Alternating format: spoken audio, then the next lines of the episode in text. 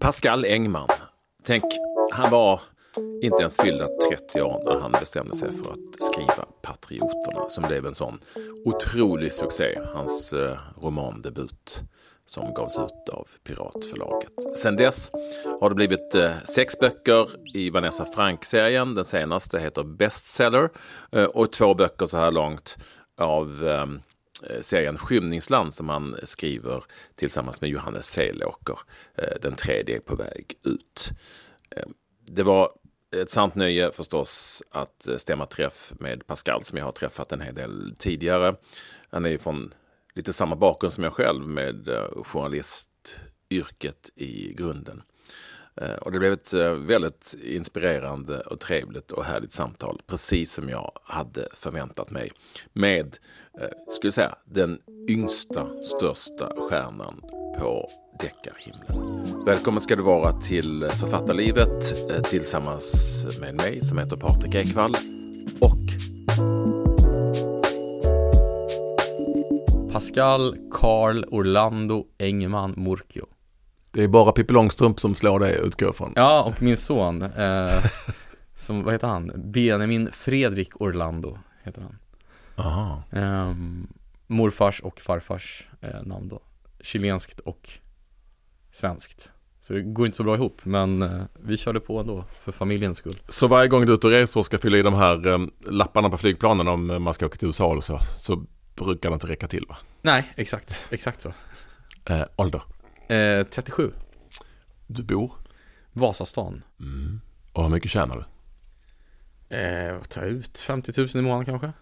Mm, man vill ju veta, man vill ja. ju veta om eh, miljonlistorna. Jaha, ja men de, de, finns ju där ute, det är så ja. svårt att prata om dem. Jag, det, går jätte, det går jättebra för mig. Men jag, jag vet på inte exakt hur mycket jag kommer omsätta i år. Men eh, det blir en del, det blir det. 7 miljoner förra året. Sju, oj, var det så mycket? Ja, det läste jag på den här listan. Ja, kul. Mm. Ja, men det är omsättningen. Mm, omsatte du ja. ja. Exakt. Ja, det är, du tog inte ut det i lön, det hoppas jag verkligen nej, inte. Nej, det, det gjorde jag inte. Det skulle inte vara så smart kanske. Favoritapp?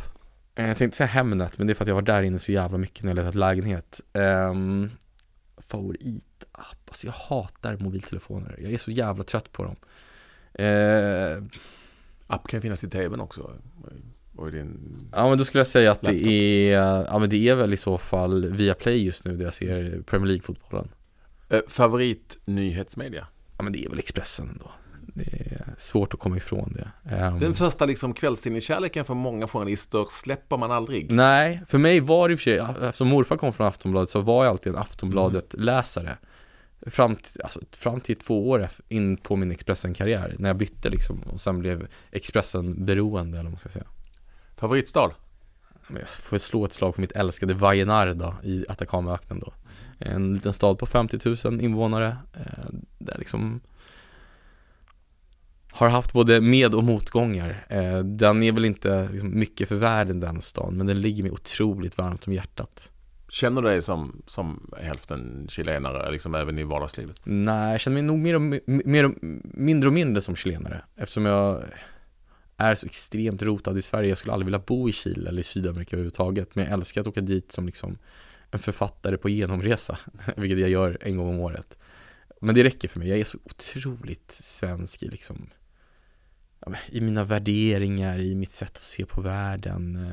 Det blir liksom för mycket manjana, manjana för mig i Chile. Favoritförfattare? Ja men det är väl Hemingway eh, faktiskt. Jag kommer inte ifrån det. Eh, Hemingway och, ja men är han så mycket? Nej, han skriver ju ändå historier som liksom, han skriver ju tydligt, ja. tydlighet. Ja, han är på gränsen, är han på gränsen mellan fin och ful då? Ja, fast han är ju ändå bred. Han ja. funkar ju som bred underhållning också skulle jag säga. Mm. Om vi pratar svenska författare då? Nej, nej. Eh, de flesta som jag älskar är väl döda. Per-Anders Fogelström höll jag som den, en av de absolut högsta. Du Min med? Ja. ja. Nej men och eh, såklart Wilhelm Moberg efter Per-Anders Fogelströms eh, Stockholms, alltså den Ja men jag läste den, jag läste den en gång om året För att den är så otroligt bra Berättelsen, alltså ja. du är ju, ja herregud ja, men Det är den som får mig att känna mig svensk, för jag förstår ju såhär, det här är, ja. det här är ja. mina förfäder liksom, det här är min historia ja. Favoritidrottsstjärna? Ja men det är Maradona Det är det Han är liksom, det det som svenskar inte, det, det som chilenare inte kan förstå när de läser liksom Per-Anders Fogelströms Mina drömmars stad-serie Det kan inte en svensk förstå när de ser Maradona eh, Det går liksom inte att förstå vad han har gjort för hela den sydamerikanska kontinenten utan att vara sydamerikan. Det går inte att förstå liksom kriget om Falklandsöarna och eh, liksom hatet mot engelsmännen utan att förstå Maradona. Du måste vara sydamerikan för att förstå det. Um, någonstans tror jag, eller uppvuxen i Sydamerika i alla fall. Uh, och därför är han väl liksom den största för mig, inte bara som idrottsman utan som karaktär, alltså som, alltså karismamässigt, jag har aldrig varit med om det, alltså det, det förstår man ju Så du köper Guds hand liksom? Ja men det gör jag, det är klart. Han skulle mm. sänka engelsmännen. Mm. De hade liksom dödat, jag vet inte hur många eh, argentinare. Det är klart han skulle sänka engelsmännen. Och som han gjorde det. Eh, favoritkläder? Um, alltså jag köper ju alla mina kläder på, vad fan heter det? Ullared? Nej, faktiskt inte. Eh, vad fan heter det? Eh, A Day's March ah. Skulle jag säga, är mina favoritkläder mm. Nu har jag ingenting därifrån på mig Det är bara grejer, bara grejer Ja, verkligen Och Difficult by P också ah. Day's March har väl eh, fem myror, fler än fyra elefanter och motiv på vissa av sina grejer för mig Har de det? Mm. Inte de jag har köpt i alla fall Nej, nej jag, köper, jag klär mig bara i svart liksom, så de har väldigt bra svarta t-shirtar mm. och svarta byxor mm. Jag ska säga att nu sitter Pascal här i svarta eh, sneakers, svarta jeans men också en beige ja. Eh, t-shirt. Ovanligt, väldigt ovanligt alltså. Och en, dyr, och en dyr klocka om ni... jag sitter och försöker visa det här desperat. Äntligen uppmärksammar den Patrik. I research som jag ändå gör. Ja, eh, det så, hedrar dig på. Ja, tack. Till viss del. Då ramlar jag faktiskt över en intervju som du har gjort med mig. Som jag gjorde med dig? Ja, ja säkert. jag hade helt glömt bort det här Ja, jag, jag minns, måste, jag, jag minns inte vad det handlade om, men jag minns att vi satt på ett bageri där det kändes som du ofta förlade dina intervjuer förr i världen Det kanske du gör fortfarande? Ja, det, det är ett konditori, ett konditori. Eh, som har ett bageri i källaren ja. Aha. Detta var 2011 och vi ska inte snacka så mycket om det egentligen, men det, det här var för när du var reporter för uh, nyhetssajten Nyheter 24. Ja, var det så länge sedan? Jag ja. tror det var för Expressen. Nej, Nej. Eh, du kanske gjorde någonting där också, jag vet inte. Men det här, var, det här betraktades nog som eh, en seriös och eh, Ny 24 var väl mer eller mindre seriöst. Det fanns vissa publicistiska övertramp som vi inte ska gå in på här. Vi ska inte göra det. Nej, men... Men det som slog mig då, det ja. jag vill komma till. Ja. När, jag, när, när jag kastade mig över researchen och började läsa det här, för jag tyckte det var roligt. Det var ju att det, så här bra skriver de ju inte och så här målande och fint skriver kan man inte förvänta sig att någon skriver på Nyheter 24. Ja, vad fint. För vad det jag tänkte när du, när du beskrev Konditori Park, vilka människor som var där och vad de gjorde. Och här tänkte jag, när jag läste det här nu, redan här var han lite halvförfattare. Ja. I, det, i, det, I det stuket, eller jag tror inte du tänkte så mycket på det, men, men ja, det här är en öppen fråga. Var du där någonstans och hade på något vis eh, visioner om någonting annat än Nyheter 24? Ja men det hade jag, men det var inte författeriet liksom. Det var mer eh, Expressen. Jag var väl 24 när jag gjorde den här intervjun med dig. Mm. Och ett år tidigare eller några månader tidigare hade jag fått mitt första jobb på Trelleborgs Allehanda och då hade jag bestämt mig för att innan jag var 25 skulle jag vara på antingen Expressen eller Aftonbladet för det var där jag ville vara. Eh, så den här intervjun med dig får ses som någon sorts eh, jobbannons för ja, Thomas Mattsson och eh, Jan Helin som då var chefredaktörer för Expressen och eh, Aftonbladet på den tiden. Så jag, jag, jag, skrev ju arslet av mig, men det gjorde jag också för att jag ville att de stora tidningarna skulle få upp ögonen för mig. Liksom. Eh, och det lyckades jag med. Jag gick ju till Expressen sommaren 2011 sen tror jag. Så jag hann precis bli 25 när jag gick till en av de stora tidningarna det slut, den här intervjun slutar också med en del frågor om, om Zlatan såklart och om, eh, om det knullades i Let's Dance. Så det, det, var ju ändå lite nyhet 24. ja, jo, var, gjorde det det då? Jag minns inte. Ja, det, det gjorde det. Ja. Du kan, jag kan skicka en länk till den sen. Kul, kul. Men det var jag fastnade för in, inledningen.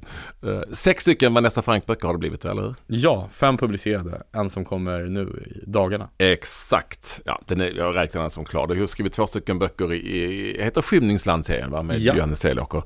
Och eh, dessutom var ju patrioten som stod lite för sig själv, får ja. man väl säga. Det hade jag nästan glömt bort att den faktiskt gjorde.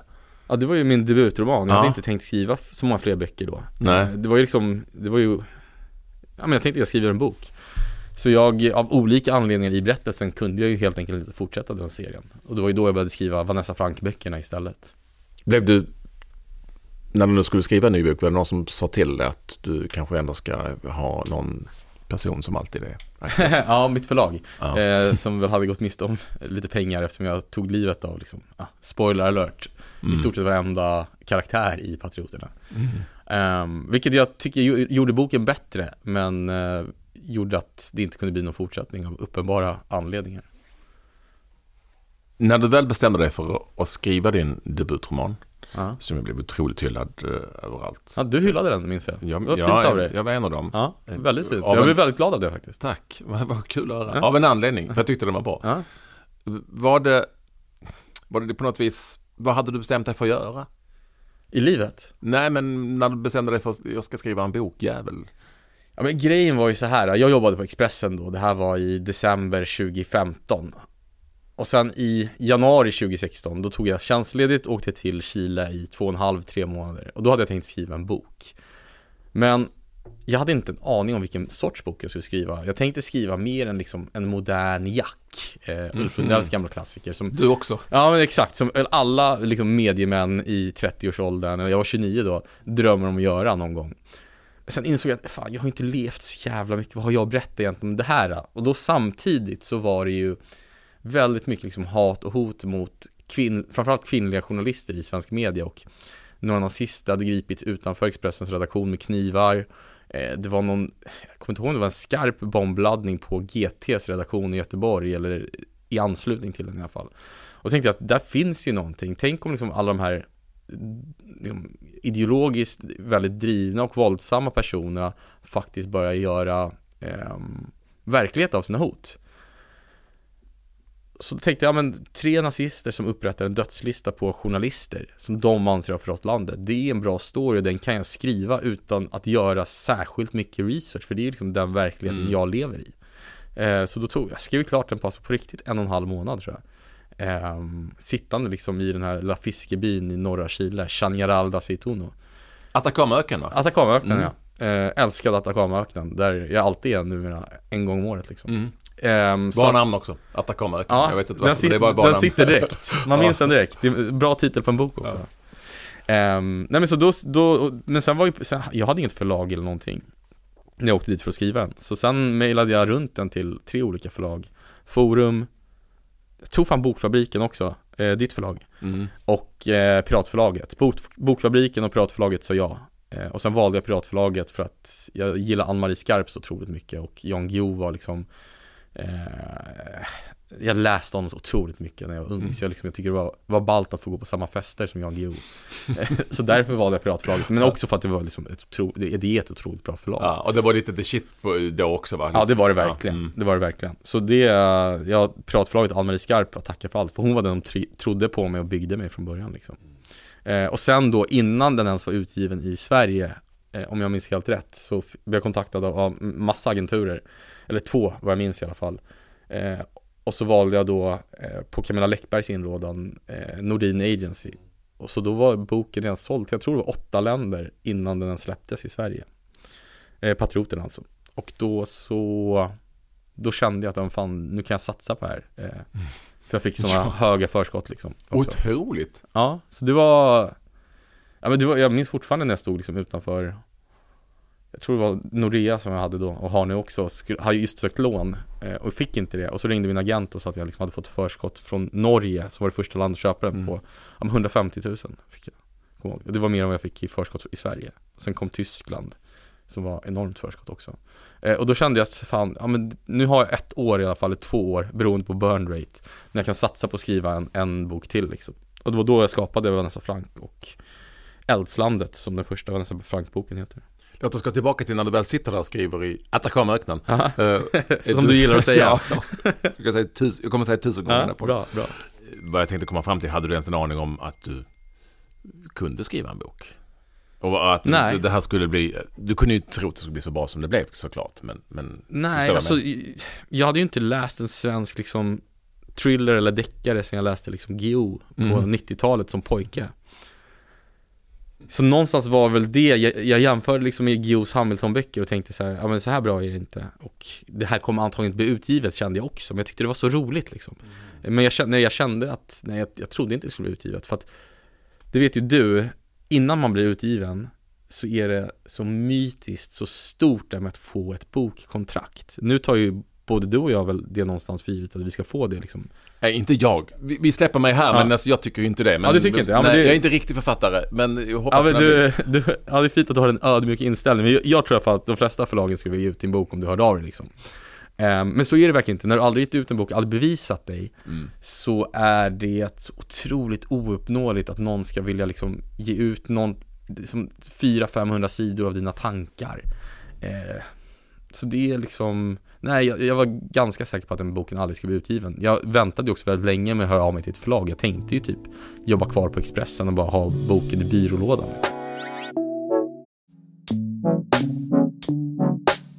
Skulle du idag ha svårt att skriva en nyhetsartikel, tror du? Eftersom du är i författarlivet. Nej, det tror jag fan inte. Eh, jag tror jag skulle, jag skulle nog skriva den Nej, jag tror, nej, det tror jag inte. Det beror på vad för sorts artikel också. Men en, Nej, men du en, på någon... en intervju jag. med dig Patrik har jag fan d- dragit ihop utan problem. Och göra en bättre tror jag gjorde på Ny 24-tiden. Ja, det var tror inte jag. så himla dåligt i.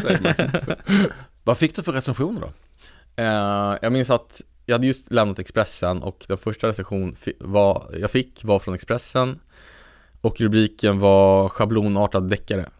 Ehm, Och hur är det idag då när du ändå är etablerad i branschen? Recenseras deckare överhuvudtaget?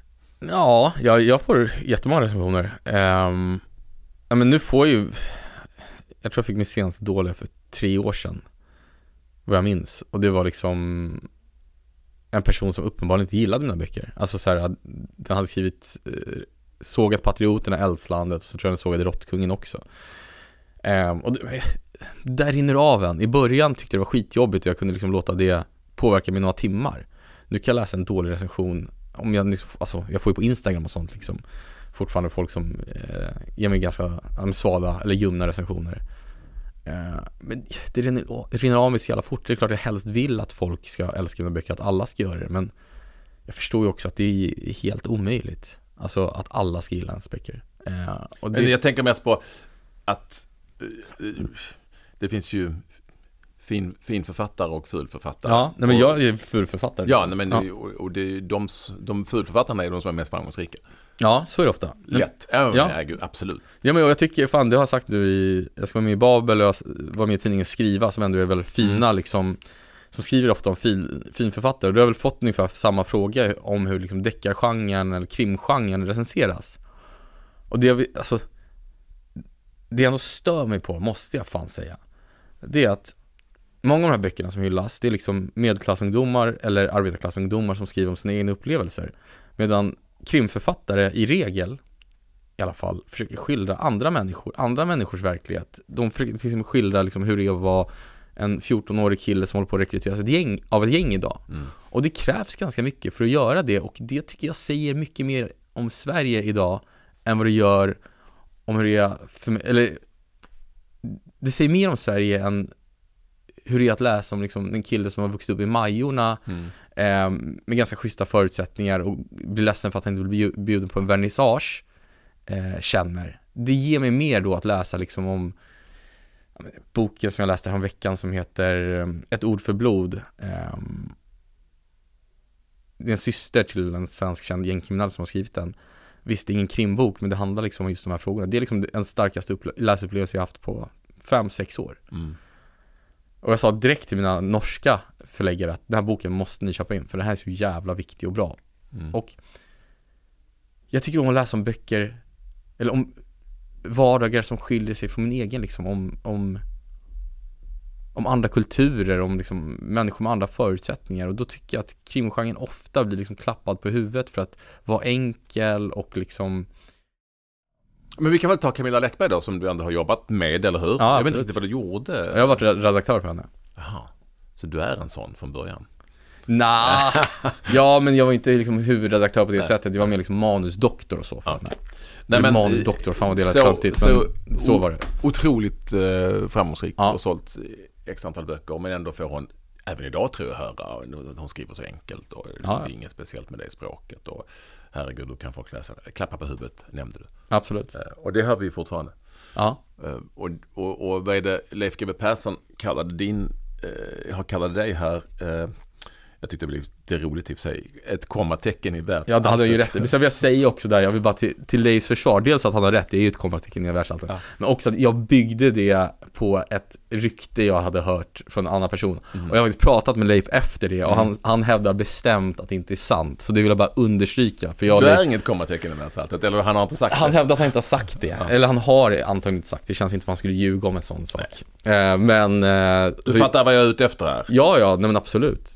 Eh, Lite roligt är också att eh, när jag gjorde, tittade här på recensioner bara på Bokus om, om eh, Patrioten till, till att börja med. Ja. Bara för att se hur, hur man tolkar det. Så det, är ju, det är två stycken, på den tiden var det två stycken Ja. eh, som är skrivna för länge sedan. Och en är jätte, jättepositiv och tycker det är en spännande och fantastisk bok och hoppas det kommer nya. Men en skriver, han avslutade med han heter Christer, inte, eh, inte överraskad alls. Eh, och eh, det är en sån där bok som man inte orkar läsa till slutet utan tittar på de sista sidorna för att se vem som eventuellt överlever. det säger mer om Christer. Men, men bara för att du är inne på det så vill jag säga att när jag, när jag eh, släppte mitt omslag Mm. på någon sociala medier, eh, Facebook var det. Då fick jag veta, vilket är jätteroligt, eh, av några eh, som följde mig uppenbarligen, eh, som hette eh, Hans-Erik och en som heter Roger. Då skrev Hans-Erik så här. Ursäkta kloke Patrik, men jag tycker du bättre kunde lä- lägga ner din tid och skri, eh, än att skriva trams i en kriminalroman. Detta hemska bokomslag passar verkligen inte din hederliga personlighet. Lägg istället tid på någonting hederligt, som idrott till exempel. Eh, och så skriver Roger att han håller med för det sänker ens personliga trovärdighet. Men vad gör folk inte för att försöka tjäna pengar? Ja, nej men... Ja. Är det hederligt eller är det ohederligt att skriva krim? Ja men jättehederligt skulle jag säga. Ehm, alltså man, jag är personligen helt ointresserad av liksom morden och allt sånt. Jag vill liksom berätta människors historia i anslutning till stora brott och stora händelser, stora samhällsströmningar. Det är väl, alltså om du tar min bok Bestseller nu så Mm. liksom, den handlar om, ja men liksom ohederliga advokater. Idag kom det en stor artikel om liksom hur advokater, exakt så som det beskrivs i min bok då, har eh, ja, men låtit klienter tala med, eh, sina klienter tala med folk där ut, på utsidan för att liksom städa undan bevis. Eh, det, är liksom, det är en sorts systemhotande kriminalitet som jag försöker skildra. Eh, och sen gör jag det i en kontext som är den enda kontexten jag kan sätta den i, dagens gängkriminalitet. Det är liksom det min bok handlar om, Ga- gangsteradvokater och gängkriminalitet.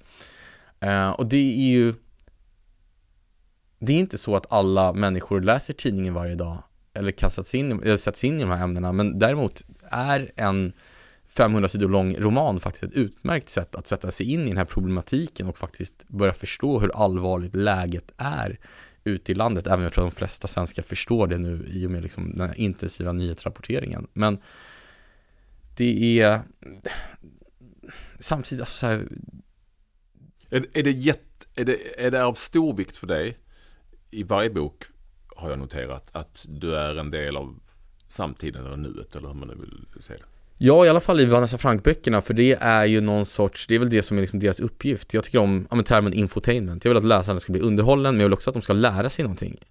Det är liksom, när jag skrev kokain och liksom praktiserade någon, några timmar på ett vet jag, styckeri för att lära mig hur man styckar kött. Det var inte för att jag tyckte det var så jävla roligt, utan för att jag vet att många gängkriminella förr i tiden arbetade med det och jag vill kunna skildra det på ett så trovärdigt sätt som möjligt. Det är viktigt för mig att jag vet exakt hur kallt det är i ett sånt utrymme och hur det luktar i, liksom, på ett styckeri. Jag kanske inte skildrar i boken, men för mig är det viktigt att det känns autentiskt. Att, polis, att poliser ska kunna läsa mina böcker utan att känna att så, här, men så där går inte en utredning till, Mm. utan allt sånt måste liksom stämma eh, för mig. Och sen tycker jag om att liksom försöka se vad som kommer hända ett år framåt i tiden. Och just med liksom, ja, men de här gangsteradvokaterna, där kommer jag nog tyvärr få rätt. Vi kommer se väldigt många sådana här avslöjanden eh, framöver eh, på liksom härvor där advokater har gått långt över sina befogenheter till vad som är liksom eh, rimligt i hur man företräder eh, brottsmisstänkta.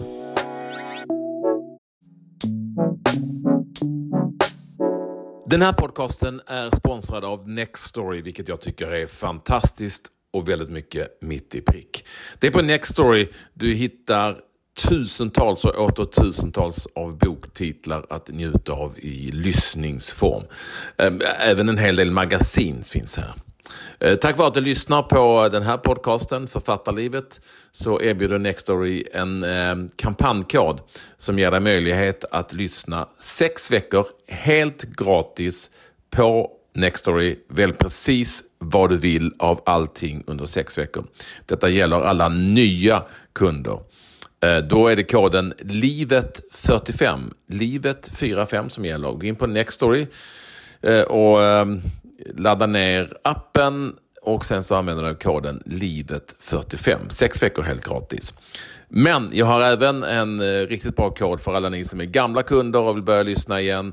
Och då kan du få Nextory för 79 kronor bara i tre månader. Använd då koden LIVET79, LIVET79 Eh, så är det alltså 79 spänn i tre månader med Nextory. Och jag vill gärna tipsa förstås om böcker som jag tycker att du ska ta del av och lyssna till.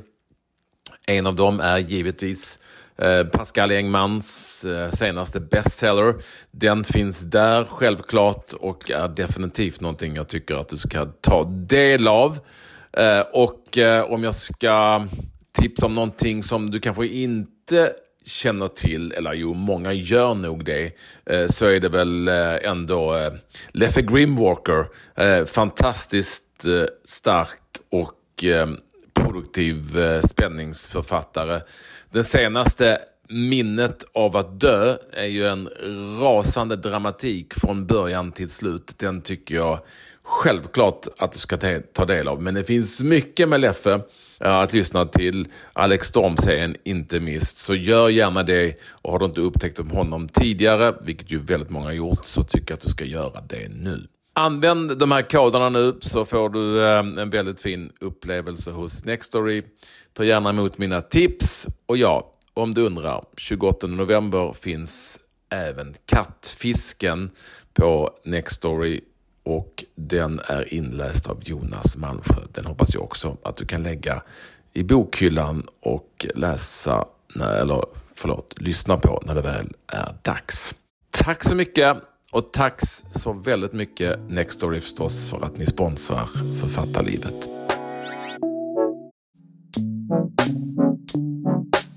Det för oss osökt in på det ämne som du har valt att prata om specifikt av de du hade att välja mellan. Du valde inte att skriva om sex som jag hoppats utan... Var du chockad? Nej, då inte alls. Men jag, först trodde jag att jag skulle prata, att det, jag läste eh, väldigt slarvigt för jag var i, i Norge förra veckan och då trodde jag att eh, det här var liksom temana, men det tänkte jag var väldigt roliga teman. Jag tänkte det ska vara roligt att prata lite om hur jag ska ha sex.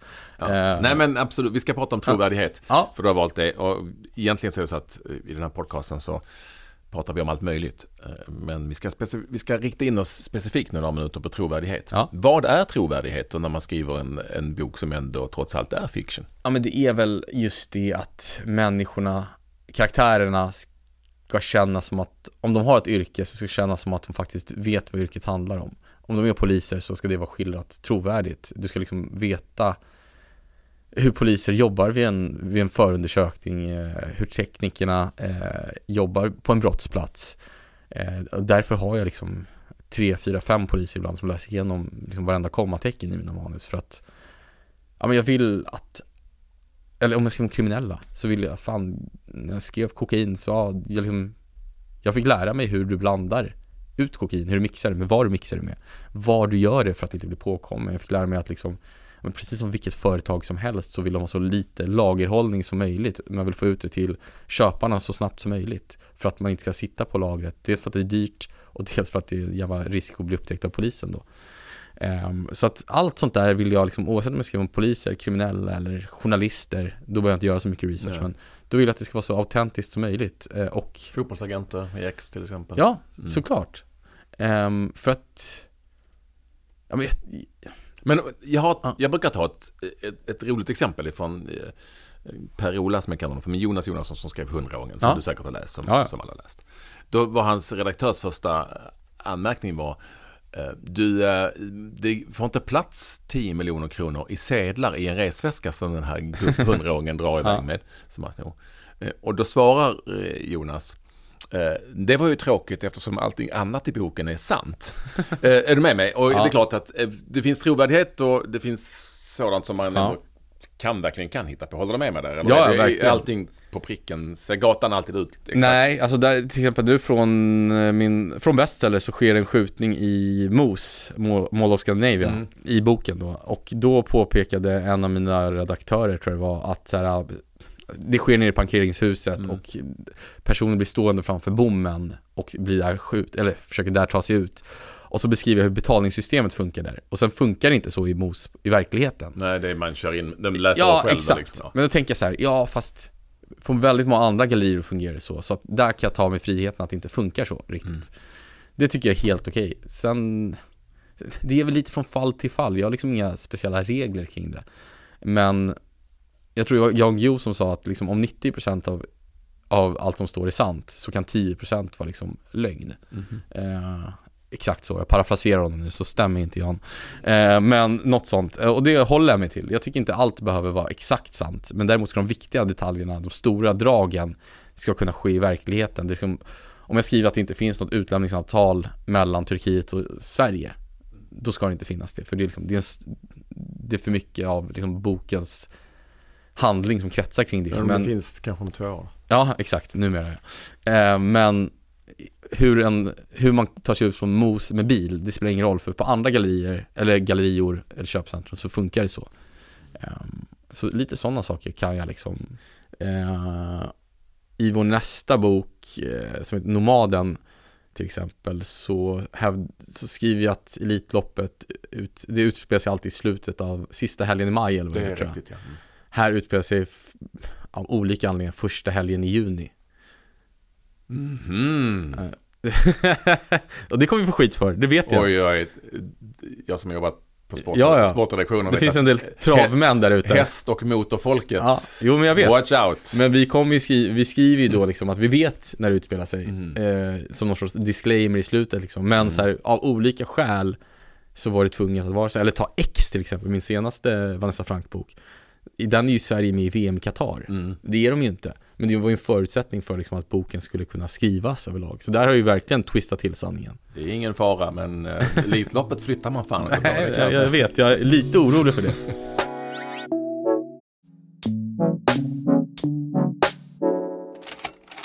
Vill du veta mer om författandets hantverk och hemligheter? Tidningen Skriva är Sveriges enda magasin om skrivande. Och på tidningenskriva.se hittar du massor med skrivguider, författarintervjuer, novelltävlingar där du kan vinna fina priser och tips på hur du ökar dina chanser att bli utgiven. Just nu kan du testa skriva gratis i en månad. Gå till tidningenskriva.se prenumeration.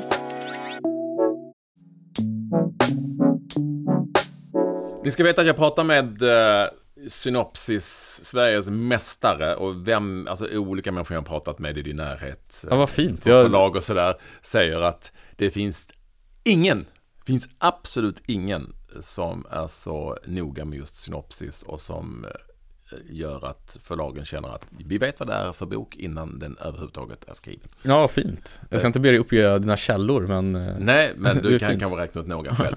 Eh, och du har ju varit jättevänlig och, och, och, och, visat lite för mig tidigare och jag måste säga att jag är imponerad. Jag skulle aldrig, vara, jag skulle aldrig ens komma på tanken och, för att man fungerar olika och annorlunda. Men där har du hittat någonting, eller hur? Ja men det tror jag. Ja, folk blir fan lite överraskad när jag visar hur noga han är med synopsis. Men för mig är det självklarhet. Det är liksom som att du bygger inte ett hus utan att ha en ritning tänker jag. Liksom. Och det är samma sak för mig med en berättelse. Sen är det också att jag har så otroligt många trådar att hålla reda på. Så jag skulle mm. inte kunna Alltså jag, det skulle ta mig två år att skriva en av mina böcker som jag skriver nu med den längden och den liksom, ja, nu låter jag förhäva mig själv men liksom med den komplicerade strukturen det är på dem om jag skulle sitta mm. och freestyla för trådarna skulle inte gå ihop så jag skulle få sitta och redigera i ett och ett halvt år efter att ha mm. skrivit dem. Och det orkar jag inte med liksom.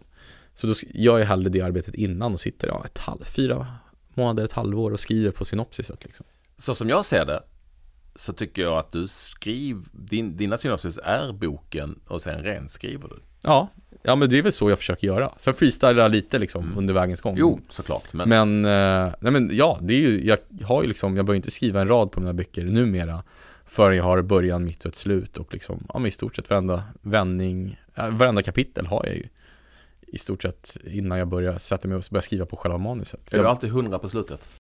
Har det ändrats någon gång? Eh, har det ändrats någon gång? Ja, jag kommer ihåg Råttkungen hade jag inget riktigt slut på. Eh, jag hade bara en vag idé om att det skulle utspela sig på Stockholms stadion.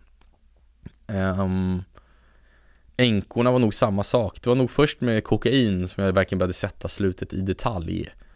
Eh, på detaljnivå redan innan. Men slutet har ofta liksom i huvudet i alla fall. Eh, sen, kan, sen är nog slutet det jag freestylar mest kring liksom. Men det är också för att det dyker alltid upp trådar under berättelsens gång som man inte kan tänka på i synopsisstadiet. Mm. Som inte har täckning där liksom. Och då måste jag formulera om slutet lite. Du skriver, det har du beskrivit väldigt mycket tidigare. Du tänker Netflix tv-serie. Ja. Eh, Story, cliffhanger, story, cliffhanger. Eller scen, förlåt, scen, cliffhanger, scen, cliffhanger. Ja. I väldigt hög utsträckning. Um, och, och, och det tror jag också ger dig en enorm succé även i ljud, kanske framförallt i ljud. Liksom, Ja, där, det, där det fungerar bättre. Um, är, det, är det någon gång du vill skriva annorlunda eller längre för att eh, inte fastna i, i den framgångsrika formen? Mm, nej, egentligen inte för jag, alltså jag är livrädd på, för att, alltså jag älskar att skriva, men det enda jag tänker på när jag skriver det är bara så här, nu får läsaren inte tröttna, nu får läsaren Mm. inte tröttna. Eh, så därför är jag så extremt noga med att hålla liksom spänningsnivån eller föra historien framåt på varje sida i boken, eller nästan varje mening liksom. Allt måste bidra till historien för att läsaren hela tiden ska liksom vilja ta sig fram till slutet. Och då är liksom att inte ge läsaren allt, utan bara ge den små nuggets hela tiden av den större sanningen eller större historien. Det är ju ett väldigt effektivt sätt. Och att avsluta med en cliffhanger som inte ser ut som en cliffhanger, det behöver liksom vara, och sen drog han ett vapen och så stod Vanessa där och inte visste vad hon skulle göra. Det, det behöver inte, men bara att så här, varje, del, var, varje slut på kapitel ska, te, ska läsaren lämna med sig att känna så här, oj, jag måste veta hur det gick för den personen där. Mm. Och så kastar den sig över till nästa karaktär och då ska den känna samma sak där, då ska den redan ha glömt bort cliffhangern på Mm. nästa För nästa kapitel, eller för föregående kapitel och föregående karaktär. Nej så jag skriver liksom, jag skriver fan med andan i halsen. Jag känner, det, det är liksom, det är för att jag Fan vad häftigt. Ja men jag är så livrädd för att läsaren ska bli uttråkad. Jag har alltid haft dåligt självförtroende när jag pratat. Jag har haft lite bättre självförtroende när, när jag skrivit historier, när jag berättat historier. Men det har nog med det att göra också, att jag är livrädd för att människor ska tröttna på mig. Vi har ju en punkt i den här podcasten som heter Cliffhanger. Ja, Eh, Där man får, där du också, tack snälla, får skriva en fortsättning på en del av en som ni riktiga författare kallar det, scen. ja. Jag har lite svårt för det fortfarande. Scen känns teater. Ja men det tycker jag du borde tänka på, eh, om jag får ge dig tips. Mm. Att jag, jag tänker alltid som scener, som filmscener jag ser framför mig. Mm. Hela alltså kapitlet är ett en filmscen för mig.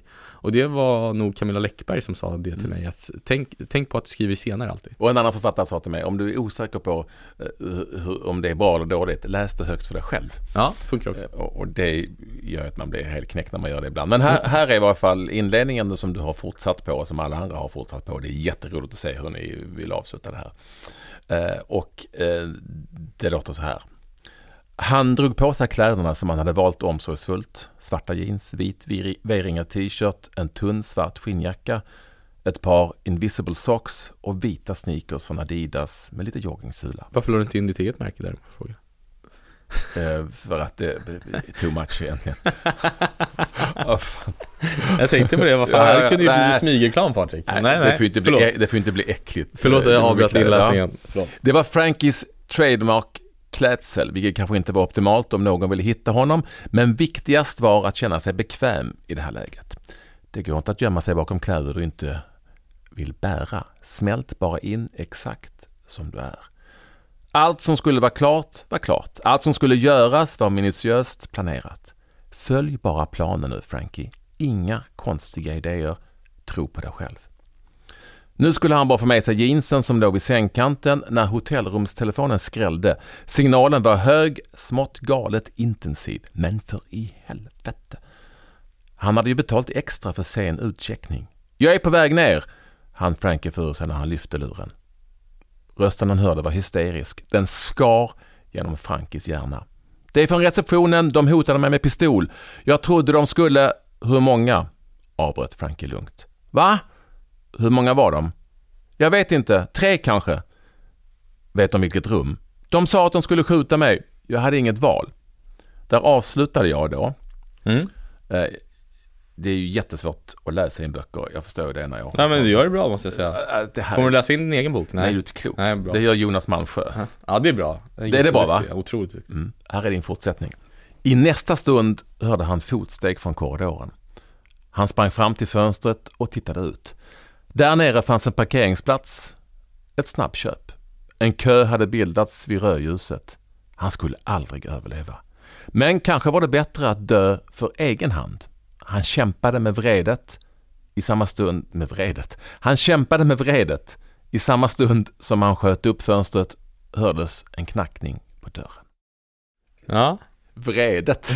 ja, men det var för att jag inte, jag tänkte skriva fönsterfred, men det skulle bli fönster, fönster. Ja, mm. Jag, satt och jag hittade ingen bra synonym där. Ja, och det här är ju superintressant eh, på alla sätt och vis för att eh, oavsett vem av författarna som är gäster så har de ändå skrivit så att jag känner att jag får dåligt eh, självförtroende. För att jag tycker att ni är så bra. På så kort tid att bara skapa någonting. Ja, vad fint. Tack. Jag borde, jag kände det också, men där orkade, jag orkade inte gestalta mer vad som hände utanför fönstret. Men inom parentes, två meningar till om vad som hände utanför fönstret. Så att man fick liksom, det hade, det hade det där slutet behövt. När du gör den här synopsis och du tänker ständigt på den här cliffhangern som har pratat om. Mm. Har du den klar för dig eller kan den skapas i stunden? Ja, den skapas nog ganska ofta i stunden. I synopsis står det ofta cliffhanger, vad det ska vara för cliffhanger, men sen har jag inte orkat skriva någonting. Så då brukar jag bara ehm, avbryta när jag känner att det behövs. Eller när, när det liksom är som bäst läge. Ehm, Jag överraskades själv när jag skrev den här boken av hur mycket jag kunde att hitta på som man inte gör annars och hur mycket som bara kom. ja, nej men så är det ju. Det är det som är så jävla härligt Ja. att när man kommer in i det där, ja men skrivflowet. ehm, det är ju liksom beroendeframkallande. Lite så. Och man tänker oftast, vad fan, var, kom, vad, hit, var hittade du på det? Ja. Alltså, var kom det? Ja, jo. Och ibland så tänker jag att eh, de stora författarna liksom kanske inte är så, utan de bara liksom vet exakt vad de ska skriva. Så, så gör de. Nej men det tror jag inte. De stora, alltså jag tror i och för sig de största författarna har väl inget synopsis. De sitter väl bara och skriver ur hjärnan liksom. Mm. Ehm, Men om man inte är på liksom deras nivå så, så tycker jag det är bra att ha ett synopsis där det mesta, där tankeverksamheten redan har skett så man slipper, sitta och tänka så mycket medan man skriver. En intressant detalj från den ena till den andra i, när man läser om dig, det är att det står att du är på Wikipedia-sidan såklart då. Mm. Jag har gjort större research än så. Ja, det. Eh, Men det står att du är släkt med Gary Engman. ja, min morfar. Eller var min morfar, han död. Ja. Och i min, för mig, folk i min generation är det otroligt stort. Ja, jo jag vet. Många lite äldre damer som blir lite våta i, i blicken när, när någon moderator nämner det på scener ofta Ja. ute i landet. Eh, ja, nej men så är det. Vad lärde du dig honom? Han du lära någonting? Nej, jag var 14 när han dog. Det var snarare han som hindrade mig från att bli journalist till en början. För jag, liksom, jag orkade inte med att jag skulle bli jämförd med honom hela tiden. Han var ju liksom, eh, programledare för Kvällsöppet och chefredaktör för Aftonbladet. Eh, massa fler grejer. Eh, men då kände jag så här, alltså, att jag alltid skulle behöva bli jämförd med honom när jag eh, liksom började skriva och sånt. Men det slapp jag, alltså, eh, jag tror ingen visste om det liksom. Jag sa det nog aldrig förrän jag liksom två, tre år in på Ex- min Expressen-karriär. Mhm. Alltså Engman är ju ett ganska vanligt efternamn Mm. liksom. Eh, så han var ju mer känd som Gary. än- Ja, än någon- sant. annat. sant. Och han var en, eh, för er som inte känner till en, en sanslöst stark eh, stjärna på den tv-himmel som lyste på 70 80-talet i varje fall. ja men exakt. Eh, Och, och ehm, en av de stora, första stora, liksom, skulle jag säga, journalisterna som verkade i tv på det viset. Ja, han blev ju liksom var korrespondent i London för SVT när han var Ja. 20. Det är, liksom, det är andra tider än vad det är idag. Jag Ja. tror han var i Berlin som utrikeskorre för Arbetet tror jag, Mm. som typ 16-åring. Mm. Eh, Så det var andra tider. Det var andra tider. Det är också så att när man ska marknadsföra sina böcker, nu kanske inte du behöver göra det, Jo, I samma det tror utsträckning. jag allt jag behöver. jo, men inte i samma utsträckning som, eh, som många andra kanske måste göra. Men eh, det blir ju också att man måste hitta någonting att prata om. I dina böcker så är det ju så att du, det finns alltid någon eh, aktuell detalj Mm. det här med advokaterna som du nämner nu till exempel som är intressant och så. Eh, Men annars så får man ju bläddra på om annat. Jag tycker det är kul att läsa om din dödsångest i Expressen och så här. Att du, du är ju kvällstidningsjournalist i grunden lite grann. Ja, ja. Du vet ju hur det funkar. Ja men det är Hur har klart. det varit att vara på den andra sidan?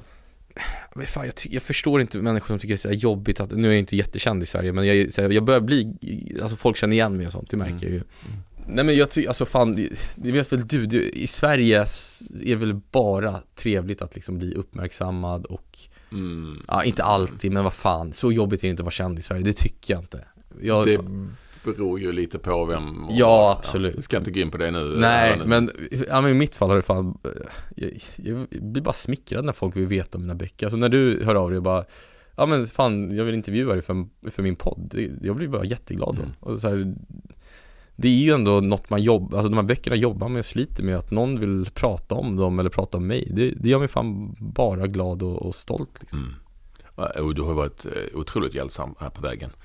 eh, När det gäller eh, min bok, det ska jag säga. Det tror jag. Det Ja, men är det, det, det, är fint, tror. och det, för jag kommer att du var Var det du som sa det? Ja det var det ju, ja, men du, att du blev, inte överraskad men liksom, ja men tacksam för att jag hade skickat över mitt synopsis och sånt för dig Mm. Och så, ja men sa du något om det och jag svarade väl kort eller vad jag gjorde Men liksom, det jag ville säga där det var att Fredrik Backman När jag skulle skriva Eldslandet tror jag det var, så tyckte jag att det var väldigt svårt att liksom följa Ja men jag frågade om det var, alltid var svårt att följa upp liksom, den, andra, den berömda andra boken, svårt Mm. det var Mailade jag honom och då hörde han av sig till mig och bara Tja! Eh, jag, är, jag är väl, vad fan han nu var, i USA den här veckan Mm. Men fan, ska vi ta en fika nästa vecka så kan du ställa frågorna face to face istället så kan jag förklara lite och det tycker jag var en så jävla fin inställning för han är liksom, han är Sveriges bästsäljande författare just nu internationellt Jag vet inte hur många miljoner böcker han sålt, han har liksom ingen svensk agentur längre utan Han representeras liksom i USA Och att ta sig den tiden då för, liksom, för en författarkollega som han verkligen tryckte på att jag var så här. Det var så jävla fint och det är klart när du hör av dig och liksom, ja men har frågor eller sånt, det är klart jag vill hjälpa dig precis som han gjorde med mig för jag tycker det var en så jävla fin inställning till liksom hur, hur författare ska hjälpa varandra. Eh, och den tog jag med mig eh, se, sen det mötet med Fredrik Backman, eller den fikan vi tog, eh, för att det liksom, det fick mig att inse att fan vad man ska hjälpa varandra i den här branschen för att det är inte så jävla lätt att vara författare liksom. Alla gjorde inte det. Ska jag säga. Nej, det, det förvånar mig inte men vi i Fredrik Backman-skolan gör det i alla fall.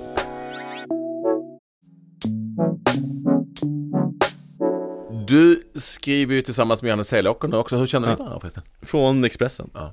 Han kom från Aftonbladet till Expressen 2014 kanske. Mm. Så hade ju en ganska knepig relation i början för han var så, han älskade Aftonbladet så mycket och saknade det så mycket och sånt. Mm. Så hela Expressen hade en knepig relation till Johannes Selåker. Men sen så, ja men blev vi vänner helt enkelt. Eh, Så där som man blir på en kvällstidningsredaktion. Och nu skriver ni ju då som sagt en eh, serie ihop eh, som förlaget vill ska bli eh, hur många som helst. Sju stycken tror jag till och med. Ja, ja något sånt. Och ni är inne på tredje va? Eller eh, har ni börjat? Ja, vi har ju skrivit klart tredje, eh, så vi har en bok kvar på det här kontraktet då, som vi ska skriva, fyrbokskontraktet. Så då, är det, då ger du ut, ska vi säga, två böcker om året men låt säga att det är en och en halv då. Ja, exakt. Ja, exakt så brukar jag också säga det. Eh, hinner man det? Men jag skriver ju varje dag, det skulle vara sjukt om jag Mm. inte hann det. Ehm, jag sitter ju varje dag utom ja, Linneas och Benjamins födelsedagar liksom och skriver. Och typ nyårsafton. Ehm, så att jag, jag har inga problem som helst, inga som helst problem med att hinna det. Det som, jag, som nu när det går bättre för mig internationellt, då blir det mycket internationella resor och då, liksom, i början var det svårt att hantera för det var ju skrivtid så mycket Mm. åt. Men nu har jag löst det genom att få liksom bättre arbetsdisciplin. Jag sitter på hotellrummen och skriver. Jag sitter på flygplansjävlarna och skriver liksom. Mm. Eh, och det är enda sättet att hinna men jag har aldrig, jag har aldrig känt mig stressad för det. Coolt. Ehm, Just det, du sa precis att du varit i Norge. Det var lite kul. Eh, vad kostar din bok i Norge? jag tror den kostar 399, eh, min senaste bok där. Ja, 399 kronor och pocket 229. De har cash. De, de Ja, har, det får man säga. De, de har cash 399 spänn. Ja, då var min ändå bland de billigare böckerna. Jag såg vissa som kostar liksom 429, 459. Eh, Oj, oj. av liksom mer etablerade författare. Är det i Norge det är som störst? I, av, av de utländska, eller ut, i utlandslanseringen? eh, för mig? Mm. Eh, ja, det skulle jag nog säga att det är nu på senare tid. För var det väl I början var det väl Tyskland eh, som var som gick bäst. Nu går nog eh, Tyskland lite sämre och Norge eh, väldigt mycket bättre. Vad, ställ, vad ställer de för frågor i Norge då? Är det samma som jag ställer? Ja, de ligger så nära i utgivning också. Eh, alltså de, nu släppte de just X, så att vi pra, nu pratade jag om X, min förra bok liksom. Men ja, mycket om liksom, ja, svensk, svenskt gängvåld, ska jag säga. Handlar väldigt mycket om i Norge för min del just nu. Hur, du, du är ju så ung fortfarande och har ändå gett ut så många böcker, men är du rädd för att det ska ta Vanessa Frank ska dö liksom? För några år sedan, alltså när jag skrev typ Råttkungen X, då kände jag så här, ah, nu börjar jag tröttna lite på Vanessa. Men sen så när jag skrev Kokain och sen när jag skrev X, och för, jag förändrade formen för jag skrev böckerna också ganska mycket. Mm. Jag la väl om min sving som liksom golfspelare gör. I, ja men det är liksom, jag började mer fokusera på att ha ett mysterium i böckerna också. Eh, liksom något, någonting som inte, man visste inte vem gärningsmannen var för den sista sidan, den näst sista sidan.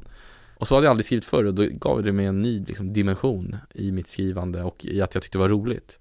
Alltså jag tyckte det var mycket roligare då, så nu tycker jag det är svinroligt att skriva Vanessa Frank. Sen är det väl så här, ja det finns väl bara en viss antal av de här stora aktuella ämnena man kan avhandla. Mm. Liksom, nu är jag väl inne på tredje boken om liksom, gängkriminalitet. Mm. Så jag vet inte, men jag tror, nej jag får fler och fler idéer för böcker hela tiden. Och det tror jag också är någonting man tränar upp som författare, att bli bättre på idéer och idéstadiet liksom. Så Pascal Engman, författaren den, Estradören. Ja men vi får leva med den alltså ett tag till. Ja men det tror jag, alltså mina kompisar brukar skämta om att jag inte skulle fungera i ett vanligt arbetsliv längre För jag har blivit så liksom extremt inbunden i liksom I att förfoga över min egen tid. Alltså det är ju mm. friheten som är Som är det liksom härligaste med att vara författare Men om du nu talar frihet du sitter och skriver, du säger själv varenda dag. Ja men det är ju frihet för mig. Att, alltså jag vill ju jobba med skrivande och att ja. då få bestämma exakt vad jag vill skriva, ja. det är ju liksom den ultimata friheten. Ja men det är det verkligen. Alltså, åker du inte på semester med din, din familj? Nej, nej, typ aldrig. Vi åker, alltså då åker vi på, då åker vi till Chile, men då skriver jag. Det är ju en jobbresa för mig liksom. Men jag skriver ju bara tre timmar om dagen. Så resten, ja, ja, ja, okay, så resten av tiden är jag med familjen liksom. Ja, då så. Eh, och din fru köper det? Ja, det, och hon tycker ju också, hon är ju liksom dels den första som alltid läser, hon är liksom min första redaktör eller vad man ska säga. Och Sen är det väl liksom, det är väl också ett jävligt fritt liv för hela familjen att liksom, ja men vi jo, åker iväg till Chile två, tre månader, sen åker vi till Spanien och där i två månader, eller en månad. Skriva någon annan bok eller research där liksom, det är ju ett liv som jag aldrig hade kunnat drömma om när jag var liksom 20 Tack så mycket Pascal för att du vill ja. komma hit Ja men tack eh, själv, det var supertrevligt Patrik Ja detsamma och tack för all hjälp och, och tack också för den här intervjun då som kanske var mitt lyft i Nyheter 24 2000. Jag kanske den som breakade dig Patrik, det vet vi aldrig. Ja, eh, och, och lycka till med allting eh, framöver. Tack så jättemycket och du också. Tack. Vi ses på Bokmässan. Det gör vi.